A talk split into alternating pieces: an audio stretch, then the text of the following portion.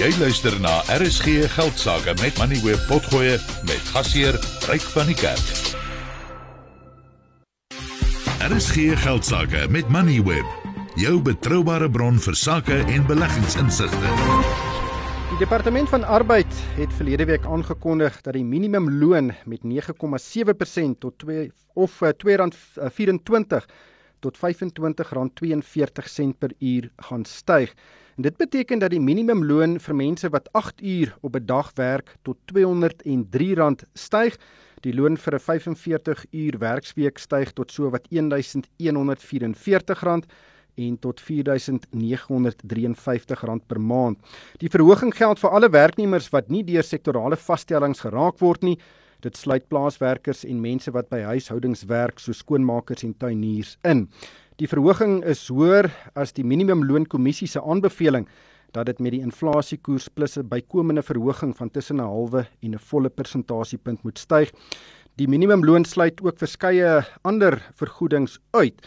Dit sluit in betalings vir vervoer en klere, bonusse, vergoeding wat ook nie kontant is nie soos verblyf en etes. Hugo Pinaar is 'n arbeidsspesialis by Klif Dekker Hofmeyer. Hugo, baie welkom by die program.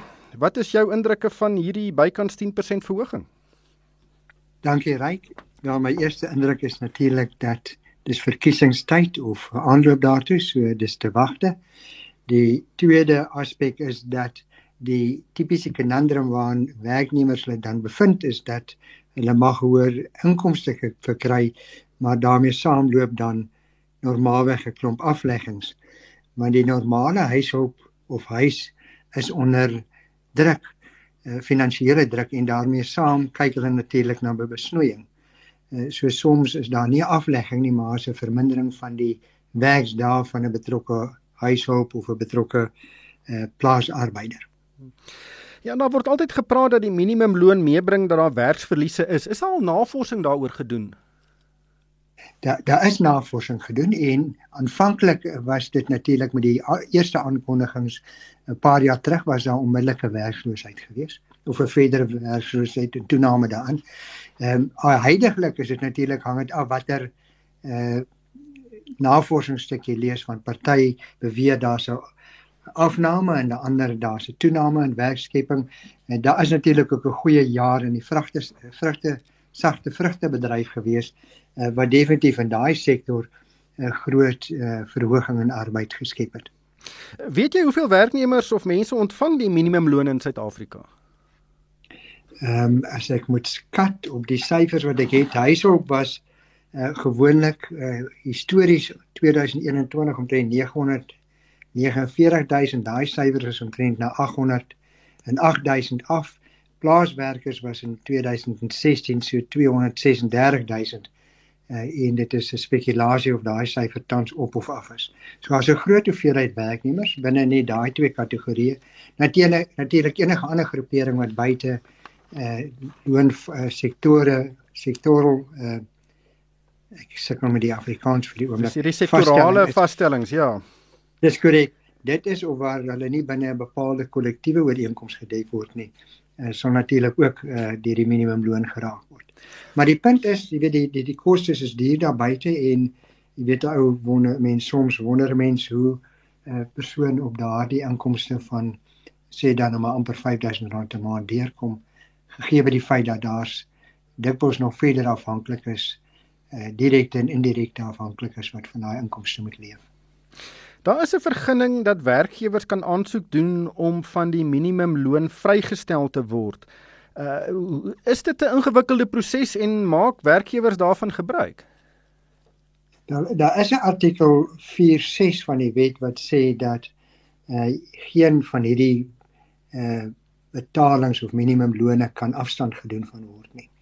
Uh so daar is daardie bepaling en dan is daar 'n konflik rondom die interpretering of dit dan toelaat dat jy regtig 'n 'n 'n sogenaamde vrystelling kan kry of nie. Dan die departement het ook die minimum salaris waar die werkgewer nie oortyd hoef te betaal nie en ook nie werksure hoef te reguleer nie met 7,6% tot R244110 verhoog. Wat wat presies behels dit? Nou dit dit slaan op verskeie aspekte want uh, dis 'n minimumloon uh, ehm uh, tussen hakies of aanhalingstekens wat daar gestel word dat as jy bo dit verdien uh, verbeur jy sekere regte. So as jy bo daai bedrag verdien dan is jy byvoorbeeld nie geregtig op op oortyd by wyse van voorbeeld nie of jy is nie geregtig op Sondagtyd of nagwerk of publieke vakansiedae nie. Uh, maar dikwels het werkgewers in 'n dienskontrakte 'n bepaling wat sê dat ongeag van die werknemer se inkomste sal daai werknemer of daai kategorie werknemers dan steeds uh, geregtig wees om oortyd. Maar in beginsel as jy bo dit verdien is jy nie geregtig op oortyd nie tensy daar anders ooreengekom is. Dan dan raak dit natuurlik die arbeidsmakelaars dat daar's daai nuwe vermoedingsklausules wat ingetree het in 2015 en dit behels dat as jy bo daai inkomste verdien, dan word jy natuurlik nie geag die kliënt se werknemer te wees nie, maar jy is die werknemer van die arbeidsmakelaar. Eh, daarbenewens is daar bepalinge rondom vaste termynkontrakte. As jy bo dit verdien, het jy nie dieselfde beskerming as wat jy onder dit verdien nie en so meer. En in beide gevalle die arbeidsmakelaar in die vaste termyn het jy ook nie die sogenaamde gelykheidsbetaling nie. Met ander woorde dat jy geregtig is op dieselfde inkomste as die inkomste van 'n soortgelyke werknemer wie by die kliënt in die geval van 'n arbeidsmakelaar werksaam is. In geval van 'n vaste termynkontrak, uh, as jy uh, onder die minimum is, uh, die nuwe vasgestelde minimum, natuurlik dra my na 3 maande as jy geregtig op dieselfde of soortgelyke salaris as 'n permanente werknemer. So dis daardie aspek wat ook belangrik is. En dan is daar natuurlik binne die werk wet op werknemer gelykheid sekere afsnypunte waar jy dan ook kwalifiseer of diskwalifiseer vir sekere aksies binne die CCMA. Ja, daardie bedrag R240000 'n uh, uh, 'n jaar, so dis omtrent so R20000 'n maand. Maar goed dit uh, tree die 1 Maart hierdie week in werking. Dis presies ja, dit en die minimumloon. Dankie Hugo, dit was Hugo Pinaar, hy's 'n arbeidsspesialis by Klif Dekker Hofmeyer. Theo, R203 per dag. Wat dink jy daarvan? Ryk, dis vir my baie moeilik dat jy dat da, dat jy iemand minder as dit kan betaal. Ek dink die minimum is nie 'n hoogwatermerk, dis 'n laagwatermerk. Ehm um, ek dink as jy moet gaan uitwerk waarteen iemand 'n oordentlike bestaan kan voer, ek dink is beduidend meer as dit. En ek dink dit is dit moet eintlik maar die uitsondering wees en amper net 'n absolute minimum. Dit moenie 'n tipe van 'n mikpunt of 'n hoogwatermerk wees nie.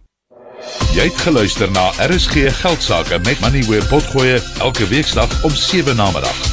Vir meer Money where potgoe, besoek moneyweb.co.za of laai die toepassing af en volg Moneyweb News om dagliks op hoogte te bly.